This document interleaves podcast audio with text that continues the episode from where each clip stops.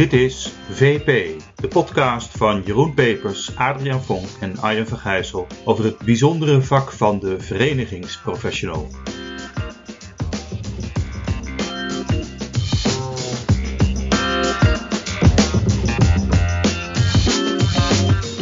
Aflevering 2. Goedenavond luisteraars. In deze aflevering van onze podcast gaan we het hebben over ministeriekunde en de Kamerlot. Maar uh, mannen, voor we dat doen, moeten we toch eerst even terugkijken op onze eerste podcast. Ja, uh, laten we dat doen. Ja. En hebben, hebben we nou reacties gehad? we hebben reacties gehad, ja. Ja, ja nee, volgens mij uh, ja, heel, heel veel leuke reacties gehad. Gewoon leuk dat we dit doen, leuk dat we dit gestart zijn. Naast een aantal collega's en collega verenigingsprofessionals, ook familie, vrienden die geluisterd hebben. Die zijn altijd kritisch, hè? Ja, die, die vonden het wel wat lang. Die vonden, die vonden het, lang. Ja. We gaan het kort doen vanavond. We gaan het kort ja, doen. Mijn zoon, mijn oudste zoon, die wist te melden dat hij had, had geluisterd en zelfs helemaal af had geluisterd. Dus nou, geweldig. Dat was echt een opgave. Ik hoorde er ook nog eentje over rollen. Uh, uh, dat er werd gezegd van wie is hier nou de deskundige, wie is hier nou de baas en wie interviewt wie. Dus het leek wel een beetje het spelletje wie van de drie. Adriaan, heb jij daar uh, ideeën over? Nou, het idee is dat we deze podcast uh, met z'n drieën doen. Ja. Dat, je, dat jij inderdaad wat meer de vragen stelt. Maar ja, wij, wij we stellen uiteindelijk met z'n allen, met, met, met alle drie gewoon wat vragen aan elkaar over het vak. En we willen juist dat gesprek gewoon voeren. Ja. Dus ja, het is, het is een beetje in die zin gewoon een losse setting. Waarin het inderdaad wat door elkaar heen loopt, elkaar rollen. Hè? Dus je bent ene, ene keer wat expertmatig, andere keer ja, hebben we zelf ook een vraag van ja, hoe zit dat eigenlijk? Uh, dus uh, ja, niet zo vast. Dus. Nee, nee. nee. En, en, en er was nog een vraag over diversiteit. Uh, meer ja, vrouwen aan bod. Ja. Ja, drie mannen. Ja, werken er wel vrouwen in brancheverenigingen, Jeroen? Ja, zeker. En een heleboel hele goede vrouwen die, die werken er. Nee, maar toevallig zijn wij alle drie man. Ja, dat, dat, dat, is, uh, dat is zo. Maar we gaan, uh, we gaan zeker, uh, als we gasten uitnodigen en zo, gaan we zeker kijken naar, nou, zeker of, of dat diverser kan. Maar goed, dat, uh, dat is allemaal voor later. Wat er, wat er absoluut in moest blijven, uh, dat is dat we de, beginnen met de actualiteit behandelen. Dus dat, zullen we dat dan maar eerst even inventariseren. Is er jullie de afgelopen tijd iets opgevallen? Ja, nou ja, het, het, het verhaal waar we volgens mij ook nog wat, wat dieper in, uh, op ingaan, is uh, toch uh, het, het poep- en plasverhaal van de. Hè, dat ja. ja. er niet zo aantrekkelijk. Ja, ja. Beetje Freudiaans gevoel erbij. Maar het poep- en plasverhaal, nee, het gaat over het feit dat de toiletgebouwen dicht moesten blijven op alle campings. Nou, dat is natuurlijk heel erg vervelend voor als je campinghouder bent. En zij wilden gewoon graag dat dat sanitair weer, weer open mocht. En dat het eerder open mocht dan het spoorboekje van het kabinet uh, toe, uh, toestond. Dus dat is eigenlijk, eigenlijk full force uh, met een openbare brief de volle kracht in. Dus dat was wel, was wel bijzonder. gaan ja, was, het was ook een soort, de, vanuit een soort ongelijke behandeling. Hè? Daar zat een beetje de, de, de, de crux. ja, de crux. Hè? Van, in de restaurants en horeca en zo mag het ja. verder wel. Maar bij ons op de camping... Ja. ja, precies. Maar bij ons op de camping uh, niet. Uh, dus dat, uh, ja, dat is gewoon niet eerlijk. Want eigenlijk, ja, hoezo worden wij dan anders behandeld dan de anderen? Wat ik wel grappig vind, is dat, dat als normaal er een openbare brief wordt gestuurd, dan heb je vaak het idee, ah, die lobby achter de schermen is niet gelukt. Dat is mislukt. En dan wordt er nog wel eens door brancheverenigingen voor de buren of voor de, voor de leden een uh, brief gestuurd van, nou kijk, ons ook eens even heel stoer en flink van leer trekken. Maar dan is het eigenlijk een soort indicatie van dat het niet helemaal goed is gegaan. Nee, maar wie schetst nee. onze verbazing? Ze hebben het natuurlijk wel getrokken. Ze hebben het gered. Ja, het is, het is een beetje een noodrem scenario. Hè? Van heeft, het, heeft, het is niet gelukt om op inhoud te overtuigen. Dus gaan we maar buiten, buitenom via de media. Dus dat is niet iets wat je graag doet. Maar uh, ja, het werkt in dit geval blijkbaar heel goed. Ja. Ja, zou, zou dat eventueel door corona gekomen zijn? Ik bedoel, is dat dan een. Uh... Ja, nee, ik denk zeker crisis en ook het feit dat, dat. Het is natuurlijk een hele bijzondere situatie. Ik, denk, ik kan me niet voorstellen dat er heel veel ambtenaren met Recron over uh, het sanitair hebben gesproken de jaren daarvoor. en nu, nu moesten ze dat opeens doen. Dus ja, bij wie moet je zijn? Bij wie moet je zijn? Staat hier al bij welk departement ben je dan? Ja. dat is best lastig, hè? dus dat, dat kan je niet 1, 2, 3 vinden. Dus misschien is het ook wel een brief geworden zo van, wij weten niet, uh, adres onbekend, we weten niet bij wie we moeten zijn. Dus... De grappig was, de brief is gericht aan mevrouw Keizer, meneer Rutte, meneer Grappenhaus en meneer De Jonge. Dus uh, ze hebben inderdaad het breed ingezet. Ik, ik kwam hem trouwens tegen op mijn tijdlijn uh, van Facebook. Dus ze hebben hier ook handig gebruik gemaakt van nou ja, ja social media. En ik zal even proberen proberen die manager Public Affairs bij de, de HISPA Recon te bellen. Dat is Jarin van der Zanden. We zullen even kijken of we die aan de lijn kunnen krijgen. Dus even een momentje. idee, ja. Goedenavond. Hey, goeiedag. Zeg Jarin, wij hebben het er net over jullie inmiddels roemruchte poep- en plasbrief de sanitaire voorzieningen op de campings. En dat jullie zo ontzettend boos waren dat die uh, campings niet eerder open mochten. Dus dat dat pas per 1 juli, geloof ik, in eerste instantie was. En ja. nou, jullie hebben daar een boze brief over gestuurd aan Rutte en aan een paar andere leden van het kabinet. Vertel, uh, hoe, hoe is dat in zijn werk gegaan, de lobby? Nou, daar gaat, daar gaat natuurlijk een heel voortraject aan vooraf. Hè. Dat, uh, wat eraan vooraf gaat is dat uh, sinds het begin van de, de persconferentie, begin van de coronamaatregelen, onze sector uh, eigenlijk praktisch op slot zat. Omdat uh, bijvoorbeeld, ja, bijvoorbeeld de solitair was gesloten, dus dat betekent dat je ook geen gasten kan ontvangen. En dan gaat een, een hele lobby gaat er dan van start. Um, vaak achter de schermen, bij het EZK, met, met, met VNJ, met de veiligheidsregio's. En op een gegeven moment kom je op zo'n punt dat, je, dat je leden het geduld opraakt, dat je bij jezelf eigenlijk ook te raden hebt, ja, ik, wat kunnen we nog doen? Ja, en dan komt er zo'n wanhopig poep- en plas bericht naar buiten. Ja, ja, en even, de, de, wij hadden het er net over, wist, wisten jullie bij wie je moest zijn? Zeg maar in dat, in dat voortraject, hè? Van over, over dit, ja. wist, wisten jullie bij BZK wie je moest hebben? Waren jullie dat reguliere contacten van jullie? Of moest je echt op zoek uh, ja, nee, wij hebben, wij hebben even los van corona, wij hebben altijd goed contact met economische zaken. Dat is eigenlijk ons ministerie, het ministerie wat onze portefeuille uh, heeft. Um, en via EZK kom je dan wel bij de juiste personen terecht. Dus EZK die kan je tot zover wel helpen, maar als het gaat om veiligheid en over bestemmingsmanagement en dergelijke, dan ga je toch naar andere ministeries kijken. Ja. Uh, dus ja, dan word je gewoon doorverwezen. Zeg van nou, EZK gaat er niet over. EZK... Jullie, waren, jullie hadden wel het gesprek met, met het andere ministerie over wanneer kunnen we nou open en wat is een veilige manier om het sanitaire open te doen enzovoort. Dat, dat gesprek hadden, waren jullie mee bezig. Ja, zeker. We hebben meerdere keren met, uh, in ieder geval met Wiebes en met uh, staatssecretaris Keizer gesproken. Um, daarna ook contact gehad met andere ministeries, maar dan wel op ambtelijk niveau. Um, ja, op een gegeven moment weten ze hun situatie wel. En het vervelende aan de lobby, zeker in coronatijd, is ook wel dat je... Kijk, alle lobbyregels, alle belangwaardigheidsregels verdwijnen eigenlijk een beetje. Het is crisis, iedereen die wil wat van de overheid. Het is een soort, uh, soort one for, free for all, zeg maar. Het is ja. iedereen die wil wat. Uh, en dat maakt het gewoon heel erg lastig in die lobby. Uh, de belangen zijn ook groot, ja. hè? Want ja, een lege camping, dat wil niemand natuurlijk. Nee, ja, de belangen zijn heel groot. Ik bedoel, onze, wij hebben ongeveer 2 miljard euro verloren in, de, in de, tijd dat, uh, dat we gesloten zijn geweest. dat, we kunnen dat wel een beetje compenseren in, in dit zomerseizoen. Het, het lijkt er goed uit te zien. Maar goed, je haalt natuurlijk niet weer terug wat je hebt verloren. Nee. Want je kan het geld maar één keer uitgeven. Je kan maar één keer op de camping staan. Ja. Ja. Hey, en, en, en over die... Uh, was al snel duidelijk, voor jullie ook, maar ook voor, de, voor het ministerie, zeg maar, dat, dat er dus een soort ongelijkheid van behandeling in zat. Ten opzichte van... Uh... Ja, maar weet je, dat, dat, dat, ja, dat, dat, voor iedereen was het eigenlijk wel helder. Alleen maakt het ministerie en de overheid eigenlijk niet zoveel uit dat die ongelijkheid er is. Nee. Um, er zit een crisisteam uh, die, dat luistert naar het OMT. Het OMT geeft advies over de gezondheid. Uh, nou, hoe ja, gezondheid, hoe ontwikkelt het virus zich. En dan is het nog hoogstens een politieke keuze welke sectoren dan eerst open kunnen. Dus uh, je zag bijvoorbeeld bij de horeca, nou, maatschappelijke druk wordt dan wel zo hoog dat ze dan zeggen, nou, horeca gaat dan als een van de eerste weer een beetje open. Maar er, er, zit, er zit geen logica achter. En dat maakt het ook zo frustrerend ook in de lobby. Hè? Er, zit, er zit niet een beargumenteerde ideologie achter. Er zit geen berekendheid achter. Het is, het is afwachten van hoe het virus zich verspreidt. En het is, uh, het is afwachten of, of ze voldoende vertrouwen hebben dat, dat sectoren weer open kunnen. En op, welk moment, op welk moment heb je, ja. heb je nou besloten om te zeggen van oké, okay, jongens, dit, dit, dit werkt niet meer. We moeten nu extra druk zetten, gewoon uh, even de... uh, wij, hebben, wij hebben dat gedaan op het moment dat we wisten dat uh, het OMT en ook het crisisteam en het Veiligheidsberaad het over onze sector hadden. Um, uh, omdat wij ook wisten dat er verschillende geluiden waren bij de verschillende veiligheidsregio's. Uh, uh, weet je wel, de voorzitter van veiligheidsregio's die vonden dat we wel open mochten. En andere voorzitters die erg streng waren en zeiden dat we dat niet mochten. En die brief was eigenlijk het punt waarop zeiden, nou we gaan een kaart in om een soort tipping point te creëren. Omdat die maatschappelijke onrust, die maatschappelijke druk net iets hoger te maken. Ja. Uh, net even die, die, die actiebereidheid ook bij onze achterban aan te wakkeren. Zodat op het moment dat ze op die dag, want dat wisten we, het over ons hebben. Dat ze dan net de goede kant op beslissen. Ja. En dat is ook gebeurd. Ja, dat is een succesvolle lobby geweest.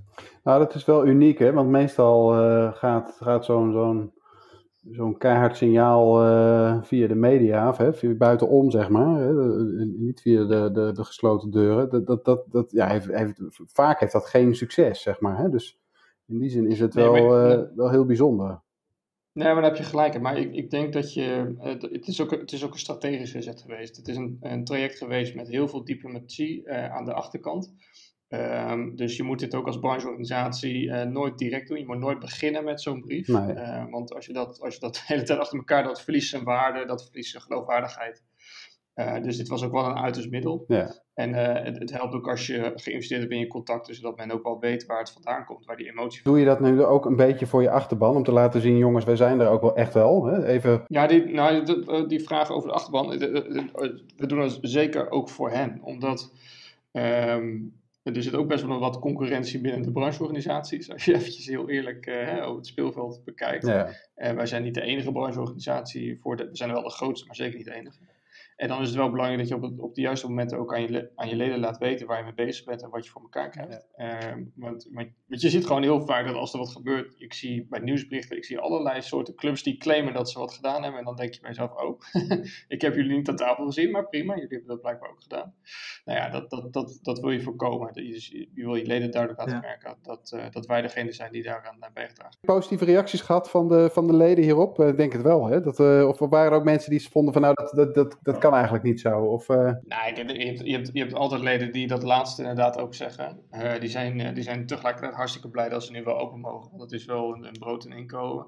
Sommige mensen die, die ja inderdaad. maar je zult nooit, ehm, dat heb ik al wel geleerd in die korte periode dat ik hier nu werk. Je zult nooit iedereen op één lijn krijgen. Nee. Je zult nooit iedereen. Kijk, iedereen heeft een andere stijl. Sommigen zijn veel meer van de diplomatieke. Van sommige leden van ons moet ik naar dag twee moet ik er al vol in gaan ja, dat, dat is ook een beetje het spel. Dat is ook een beetje, dat is, weet je, je bent als belangenbehartiger niet alleen in Den Haag bezig, maar ook intern bezig om de zaken op strategisch niveau op één lijn te krijgen. Ja, ja en daar horen ook het moest, bij. Ja. Het moest ook nu eigenlijk wel, hè? want als je langer had gewacht, dan, uh, ja, dan zat je gewoon heel veel kandidaten aan. Dus dat had niet zoveel zin. Ja, zeker. Ja. En uh, tegelijkertijd, het, het, het, niet per se in coronatijd nu, maar soms zet je je leden ook gewoon in. Dat ben je als branche vertegenwoordiger ben jij, uh, ben je diplomatiek bezig aan de ene tafel, terwijl je weet dat buiten je leden een heel ander en veel harder verhaal roepen. Dat kan elkaar ook versterken. Dat is een beetje de good cop, bad cop uh, tactiek. Ja. Dat wordt ook wel eens ingezet. Kan gewoon. Ja, ja, en, uh, ja bedankt voor, voor het kijkje in de keuken. Graag gedaan. Graag gedaan. Ja, wij gaan, wij gaan weer verder met met de podcast. Oké, okay. uh, luister mannen, wij, wij zouden het korter doen dan de vorige keer, dus we moeten heel snel door nu naar uh, ja. ministerie en lobbykunde. Ja. Ja. ja, ministeriekunde. Ik wil toch nog wel even kwijt dat ik dat echt een fantastische titel voor een Harry Potter boek zou vinden. Ja. Dus Harry Potter en een ministeriekunde, nou, dat, dat, is, dat is geweldig, toch? Ja. Want we hebben, we hebben best nu even wat praktijk gehad, zeg maar, maar er, er zit ook wel wat theorie, wat we in het boek uh, noemen, hè, op inhoud, proces en relatie. Dat is een beetje de drieslag in het boek. Als je naar kijkt naar ministeriekunde, hoe zit dat dan op inhoud? Waar, waar begin je dan? Of wat is ja, een, dat, ja, we beginnen, er zit bij ministeriekunde natuurlijk heel veel proces. Daar gaat Arjen denk ik zoiets over uh, vertellen. Mm We zijn de vorige podcast geëindigd eigenlijk met dat inhoud, proces en relatie belangrijk uh, zijn. Ik denk even heel goed om heel kort stil te staan wat wij daar verder ook nog uh, aan toevoegen. Dat is waar het gaat over het verhaal, de inhoud. Dat je, dat je een veranderverhaal moet hebben. daar geven we een aantal algemene vragen voor in het boek van uh, waar wil je naartoe, uh, waarom wil je dat, uh, wat wil je dan veranderen, hoe ga je dat doen en met wie ga je dat doen. Nou, dat lijken hele simpele vragen, maar probeer ze maar eens te beantwoorden als je ergens mee bezig bent. we hebben ook iets verteld over procesmanagement, hè? dus dat je als je een eigen verhaal hebt als medewerker, ja, probeer dan ook maar eens die vereniging mee te krijgen. Nou, dan moet je op zoek naar draagvlak voor het verhaal en je moet zoek, op zoek naar de haalbaarheid van als er een oplossing wordt voorgesteld, kan dat überhaupt? is de impact in jouw sector voor uh, al die medewerkers in de sector werken, is dat wel, uh, wel werkbaar? En uh, tenslotte, ja, relaties, dus het relatiemanagement, dat je constant in de gaten moet hebben. Dat je je relaties goed moet onderhouden. En dat je dat niet alleen moet doen, niet het dak onderhouden als het regent, maar ook als de zon schijnt. dat betekent dat je gewoon moet nagaan van, goh, zit ik goed in mijn netwerk? bespreek ik Jantje of Pietje of Marietje of Pieter Nel op tijd? En uh, gewoon been op tafel gesprekken organiseren, zodat die relatie goed is als uh, het een keer misgaat. En dat horen we net jaren ook vertellen, van een goede relatie met economische zaken. Dus als het fout gaat, dan heb je ook lijntjes dan kun je ook bij uh, een coronacrisis kun je, kun je snel schakelen. Dus dat, nou, dat is even heel kort in een nutshell de theorie. Ik denk wel dat een van de dingen ook die wij centraal stellen in het boek is dat je, als je het hebt over contacten met bijvoorbeeld ministeries, dat het niet er alleen maar om gaat dat je op het allerhoogste niveau contact hebt. Maar dat je eigenlijk uh, in relatie komt of in contact komt met diegenen die, ja, wat wij dan maar noemen, de waterdragers op het ministerie zijn. Degene die schrijven, de schrijvende ambtenaar. Ja. Degene die de stukken moet maken. Die uh, uiteraard dan een heel traject op dat ministerie doorlopen. Maar uh, als je helemaal aan de voorkant gaat zitten en je kent die ambtenaar, bijvoorbeeld de, de man of vrouw die uh, als eerste een regeerakkoord moet gaan uh, uitvoeren of daar gevolg aan moet gaan geven. Daar gaat het om, daar moet je bij zijn, die moet je kennen. Ja. En, uh, en die zeg moet je, ook zeg niet... je dat die, dat die meer van belang is, Arjen, zeg je dat die meer van belang is eigenlijk dan de, de, de beslissers? Zeker in die beginfase, omdat je komt natuurlijk die hogere ambtenaren en ook de ministers kom je natuurlijk uiteindelijk altijd wel tegen. Zeker als je als sector een soort regulier bestuursoverleg met die, met die ministeries hebt. Maar vaak zijn dat, is dat een beetje de escalatiefase.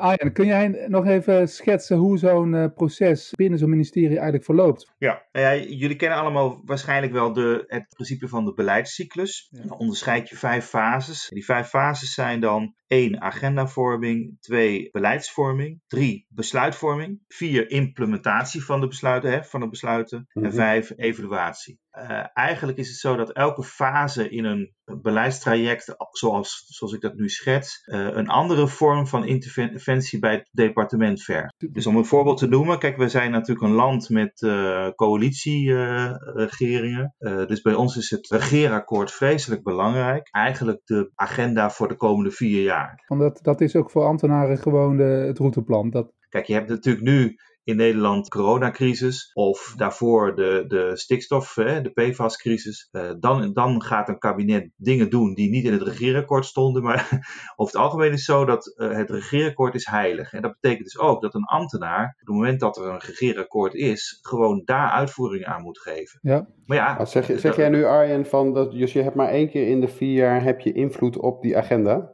Of, of zijn er nog meer agenda's waar je, waar je ja, uiteraard. uitoefenen? Kijk, of, of... Maar kijk, omdat in een regeerakkoord bijvoorbeeld staat dat er een evaluatie of een wet aankomt, ja, dan is het natuurlijk uh, dat je op basis daarvan natuurlijk de, de, de regering gaat beïnvloeden. Ja. Dus, uh, maar dan zit, je al op het, dan zit je al op het niveau van beleidsvorming. En Precies. Wat, wat we net zeiden, precies, dat is al fase 2. En wat we net zeiden was dat uh, de, de waterdragers of de, de, de, schrijvende ambtenaar, ja, die moet je dan in die fase zien te benaderen. Ja. Maar die agenda setting dan, hè, want zo'n regeerakkoord, hoe kom je daar dan in? Wanneer moet nou ja, je daar, uh, daarmee beginnen? Hè, want we hebben nu over een jaar uh, verkiezingen, een klein jaar. Ja, dus nu is het moment. Dat is het antwoord. Ja. Want de, wat je ook ziet is dat op het moment dat een informateur aan de slag gaat vlak na de verkiezingen, dan zie je vaak dat er stapels brieven en, en, en position papers naar, dat, uh, naar die uh, informateur worden gestuurd.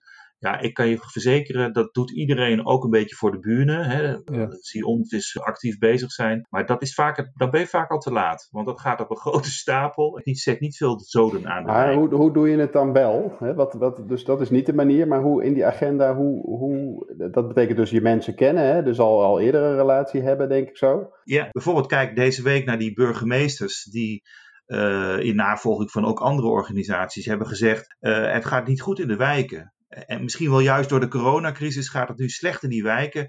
En de dingen die daar al acuut waren, bijvoorbeeld armoede, uh, achterstanden, onveiligheid, dat wordt alleen maar scherper nu. Ja. Nou, dat is een voorbeeld van zo'n maatschappelijk thema agenderen. En dat zou er wel eens toe kunnen leiden dat als je dat goed warm houdt, uh, zodanig dat het nu in de verkiezingsprogramma's komt, maar ook een soort maatschappelijk politiek thema blijft, mm-hmm. dat, dan, dat je dan over een jaar in een regeerakkoord, ja, dan moet je ja. haast een passage daaraan wijden, dus, want dan ben je wel gek. Weer, weer lastig dat je gewoon dus iets agendeert en het moet dus groot genoeg zijn, zodat politieke partijen er ook iets van kunnen vinden en er ook iets aan zouden kunnen doen in de volgende periode. Yeah. En het moet ook niet wegzakken voor de verkiezingen. Want dan ben je ook de Sjaak. Als ze het al op, opgelost hebben, dan ja. ja. ja. dus de timing is wel heel belangrijk. Ja, maar ik vraag me nog af, hè, want er zijn natuurlijk heel veel branche- en beroepsverenigingen die, die één, twee mensen in dienst hebben, zeg maar. Hè? En dat is dan het, het bureau in zijn totaliteit. Hoe, hoe agendeer je dan iets? Dus je hebt niet de tijd om uh, al die ambtenaren af te lopen. Je hebt ook niet de tijd om alle uh, Kamerleden en potentiële Kamerleden af te lopen. We gaven net al aan twee dingen. Eén is, je moet dus iets warm weten te houden. Dat was, werd, zeiden jullie. Nou, daar hadden we het procesmanagement voor. Hè? Dus dat je steeds maar blijft kijken van welke interventies moet ik nu plegen. En het tweede aspect, wat jij noemt, Adriaan, en dat behandelen we ook in ons boek, is dus dat je in, in het probleem van een ander kan zitten. Dus dan ga je op een bandwagon zitten. Dus als je zelf een kleine eh, brancheorganisatie bent, dan moet je zorgen dat je meelift met anderen. Kijk, bijvoorbeeld wat die burgemeesters deze week deden, even naar onszelf, hè, vanuit Edes, eh, is natuurlijk perfect. Want wij agenderen ook continu dat thema van uh, de noodzaak tot gemengde wijken, wijken leefbaarheid in de wijk. Mijn, mijn beeld van, van dat soort uh, kleinere clubs is dat ze vaak uh, een soort algemene position paper hebben over wat, wat zij doen. Hè? Dus in, in de volle breedte, wat de nut is voor, voor de maatschappij dat ze er zijn. En dat ze voor zo'n regeerakkoord vaak één of twee issues die heel prangend zijn agenderen. En ik denk dat zij misschien wel meer dan anderen uh, te maken hebben met het risico dat het dan sneller opgelost kan zijn. Dan ben je, natuurlijk ben je dan blij, hè, want je hebt natuurlijk bereikt wat je wil bereiken voor je leden. Tegelijkertijd heb je dan eigenlijk voor het regeerakkoord geen agenda meer. Ja. dus, ik wil uh, trouwens even door, ik, ik zou het graag even door willen hè, naar, die, ja? naar die fase van beleidsvorming, dat contact met die schrijvende ambtenaar. Kijk, een ambtenaar die zit natuurlijk ook een beetje met zijn handen in het haar op het moment dat er een cryptische, vaak cryptische tekst in het regeerakkoord staat, ja. uh, hoe ga ik hier nou chocola van maken? Nou, Uiteraard wordt daar natuurlijk binnen de departementen over gesproken. Maar dat is ook het moment waarop maatschappelijke organisaties zich moeten laten gelden. En moeten zeggen: Oh, maar ik weet wel hoe we dit moeten gaan aanpakken. Ja, en, uh, dan, en dat is zeg maar die, ook die benen op tafel fase waar we het vaak over hebben. Ja, is het dan zo van: goh, als je met, dus met een goede tekst komt, dat je dan dus de ambtenaar daar ook gewoon heel concreet uh, mee kan helpen? Dus gewoon, gewoon een ja. goede uitschrijf-exercitie uh, van: Nou wat bedoel ik? Heb, je, heb je wel eens meegemaakt dat teksten gewoon zo nou, min of meer één op één zeg maar, dan landen in zo'n... Uh... Ja, ik denk dat voor deze fase, dus die beleidsvormende fase, is het nog meer echt brainstormen. Dus dan ja. wapper je nog niet met concrete teksten, maar ben je gewoon okay. eigenlijk met in gesprek met elkaar. Ja, volgens mij heb je als, als ambtenaar, als je zo'n dossier krijgt, heb je gewoon hetzelfde probleem met uh, procesmanagement. Je wil weten waar is draagvlak voor. En uh, wat is er haalbaar? Wat moet ik extra weken? Ja, precies. Wat moet ik extra weten of onderzoeken of uitzoeken? Ja. Kijk, en als we een ambtenaar dan zijn, eigenlijk weten we onvoldoende zus of zo. Dan zeggen wij, oh, maar dat kunnen wij wel, uh, ja, dat kunnen wij wel bij onze leden ophalen. Kijk, dus dan ben je heel servicegericht eigenlijk op de, de vraagstelling van die ambtenaar. Want dat is, dat is ook vaak de kunst. Het gaat er niet zozeer om dat wij met hapklare brokken komen en zeggen, wij willen dit of wij willen dat. Nee, het gaat erom dat je in gesprek gaat en eigenlijk probeert af te leiden. Wat, wat, wil, wat, wil die ambt, wat is de informatiebehoefte van die ambtenaar nu? Ja. ja, precies. Dus dat is wel goed om je te realiseren. Die ambtenaar heeft dan ook gewoon een, een opdracht of een vraag. Van ja, hoe, hoe werk ik dit uit? Of hoe vat ik dit in beleid? En die is dus gewoon heel erg op zoek naar van wat vinden brancheverenigingen? Yeah. Wat, wat leeft er in de maatschappij? Dus als je wat ze daarbij kan helpen, precies. Ja, dat is iets anders dus als meteen gewoon meteen je eigen boodschappen gaan pluggen. Nou, ik, ik, ik zou haast zeggen, dat misschien even als apart punt. Hè? We hebben het in Nederland de laatste tijd vaak over lobby. En dat wordt dan vaak gezien als hè, de, de tabakslobby of, uh, of yeah. Shell. Of, hè, dus het, het heeft een, een, een, negatieve geur en smaak. Uh, en het is niet gezond. Dat is echt onzin. Want, want wat jij net zegt, Adriaan, het gaat erom dat je. Wat, wat wil de maatschappij? Wat wil een sector? Wat is eigenlijk het gevoel wat daar leeft? Dus zo, nogmaals, zo'n ambtenaar die moet een tekst uitschrijven of die moet iets beleid gaan maken ja, die wil natuurlijk weten, wat leeft er dan in die club? Ja, Bijvoorbeeld, wat leeft er in de woningmarkt? Of wat is het probleem in, met de leefbaarheid van de wijken? En uh, dat is, dat is wat, wat belangenverenigingen veel meer doen. Dat is gewoon dat ze gesprekspartner zijn. En dat ze ook informatie kunnen bieden aan, uh, aan de politiek en aan het beleid. Uh, dat is niet uh, abonnementjes uh, inpluggen of zo, maar dat is juist het gesprek aangaan, gesprekspartner zijn. Als, als ja. je die fase gehad hebt, en, en wat, wat gebeurt er dan? Want dan heb je een voorstel of zo? Of, of... Ja, dan op een gegeven moment komt zo'n ambtenaar, die heeft dan een, een beleidstuk. dat gaat dan een soort interne Haagse besluitvorming in. Nou, dan is het ministeriekunde ook dat je goed weet hoe lopen al die overlegorganen, wanneer is het interdepartementaal gegaan. Hoe ligt, hè, als bijvoorbeeld je kerndepartement, Jarin had het net over economische zaken, die stelt iets voor hoe ligt dat dan bij veiligheid en justitie? Dat moet je dan weten. Dus je moet vrij breed. Dus hoe, even heel praktisch, hoe weet je de, de, de overlegcyclus van de Kamer en van, van allerlei AO's en zo? Hè? Dus hoe, hoe, waar, waar is dat bekend? Gewoon heel praktisch?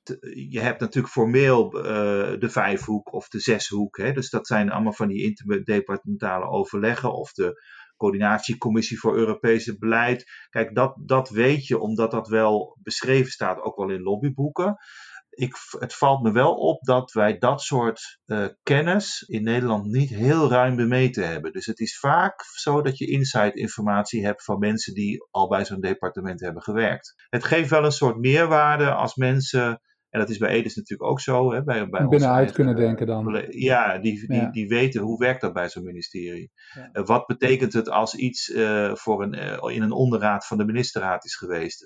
ja, en dat is, dat, dus, ja, dat is dan de besluitvormingsfase. En, en even nog even, want even dat, hoe kom je achter de planning van dat soort dingen, van, die, van dat besluitvormingsproces? Ja, van die waterdragers. Want die weten ja. dan wel te vertellen wat er met hun stuk gebeurt. Die zijn natuurlijk net zo nieuwsgierig als jij wat er gebeurt met... Een normaal westtraject, want als dat puur over wetten gaat, is dan is iets van twee jaar. Hè. Regelingen kunnen, kunnen veel sneller. Maar je hebt natuurlijk ook wetstrajecten die gewoon tien, uh, tien jaar hebben geduurd, hè? Absoluut. Nee, wat je, wat je dan vaak ziet is dat zowel de ambtenaren als de, als de belangenbehartigers uh, al lang vervangen zijn. Hè? Dus dat die, dat die elkaar Niemand in weet meer waar het gaat. Ja. Nee, er onderling een stokje over geven. Nou ja, de, de woningwet, de bijbel van wat woningcorporaties wel of niet mogen doen, die stamt uit 1901. Die is in 2015 herzien. Uh, maar daar werd al vanaf 2000 over gesproken. Dat die wet maar eens een keer herzien moest worden. Dus daar is gewoon 15 jaar aan besteed. Nu is die, na uh, twee, drie jaar, moest die geëvalueerd worden. Alleen al die evaluatie kost 2 tot 2,5 jaar. Ja. ja. Om te weten dus wanneer wat, wat gebeurt in het proces, moet je gewoon heel erg aangesloten zijn bij die ambtenaar van joh, wanneer komt nou wat en wat staat nou wanneer op de rol. Ja, ja en, en ook dat je, omdat je hem hebt geholpen en omdat je het gevoel hebt gegeven aan elkaar wij werken hier aan een gemeenschappelijk belang, of we hebben hier ook hè, een maatschappelijk probleem op te lossen. Ja, zal hij ook graag jou informeren over waar het dossier staat. Dat je bijvoorbeeld die ambtenaar ook in zijn eigen procesmanagement mhm. helpt. Maar waarom zou hij dat willen delen?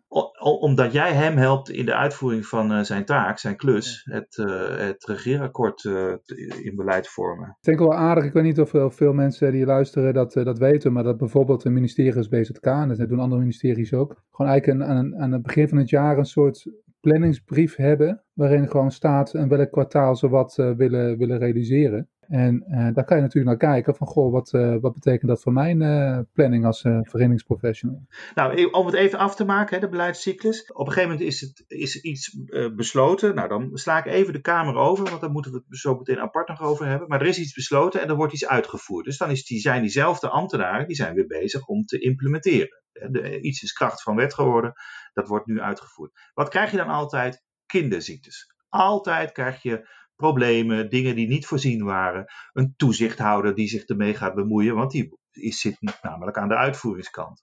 Dus je verschuift dan deels van de schrijvende ambtenaar naar de uitvoerders, waaronder dus toezichthouders. En dat betekent dat je ook een andere rol hebt als branchevereniging, namelijk het ophalen bij je leden van problemen bij de uitvoering van die wet. Dus die kinderziektes ophalen, dat is een hele belangrijke rol die je dan moet vervullen. En die moet je dan onder de aandacht van het ministerie brengen. Nou, over het algemeen is het zo dat als een ministerie een wet heeft door de Kamer heeft weten te slepen, dan zijn ze niet heel erg bereidwillig wat betreft kinderziektes. Dan, dan, dan is de vraaggerichte houding dan een beetje weg, lijkt me zo. Die is dan enigszins weg en dat moet je dan ook gewoon... Meer, dan, moet je, dan luister je niet meer, want dan denk je gewoon van joh, uh, uh, zoek het uit. Dus wat je dan doet, is dat je ook meer naar de Kamer verschuift. Dus dan ga je bijvoorbeeld zeggen tegen een Kamerlid van, heb jij wel gezien dat dit helemaal niet werkt? Nou, bij de oppositie is dat natuurlijk fantastisch, want die wil dat dan graag weten. Dus, ja, nou, dus het is wel een hele interessante. Ja. Dus dan verschuift zeg maar je relatie, dus de mensen waar je mee praat, verschuift van, van die ambtenaren naar de Kamerleden. Ja, dat is dan eigenlijk wat je doet. Ja. En, en via, via de Kamer komt het dan toch weer terug bij de ambtenaar. Want dan zegt, zo, zegt bijvoorbeeld een Kamermeerderheid van ja, maar dat, dit, is, dit hebben we helemaal niet voorzien en het moet toch echt anders. Ja, dan moet zo'n minister ook weer bewegen. Ja, ja en vaak uh, vertel je ook zo'n ambtenaar uh, wel dat je dit gaat doen. Dat, dat, voor de relatie is het wel goed om te, dat ze weten dat je kamervragen hebt ingestoken. Dat, dat snapt zo'n departement natuurlijk bijzonder goed. En nogmaals, zolang je het gevoel geeft dat je als partners met elkaar werkt. Uh, kijk, je kan soms inhoudelijk lijnrecht tegenover elkaar staan. Of enorm boos zijn over het feit dat iets door een regering of kabinet verkeerd is gedaan.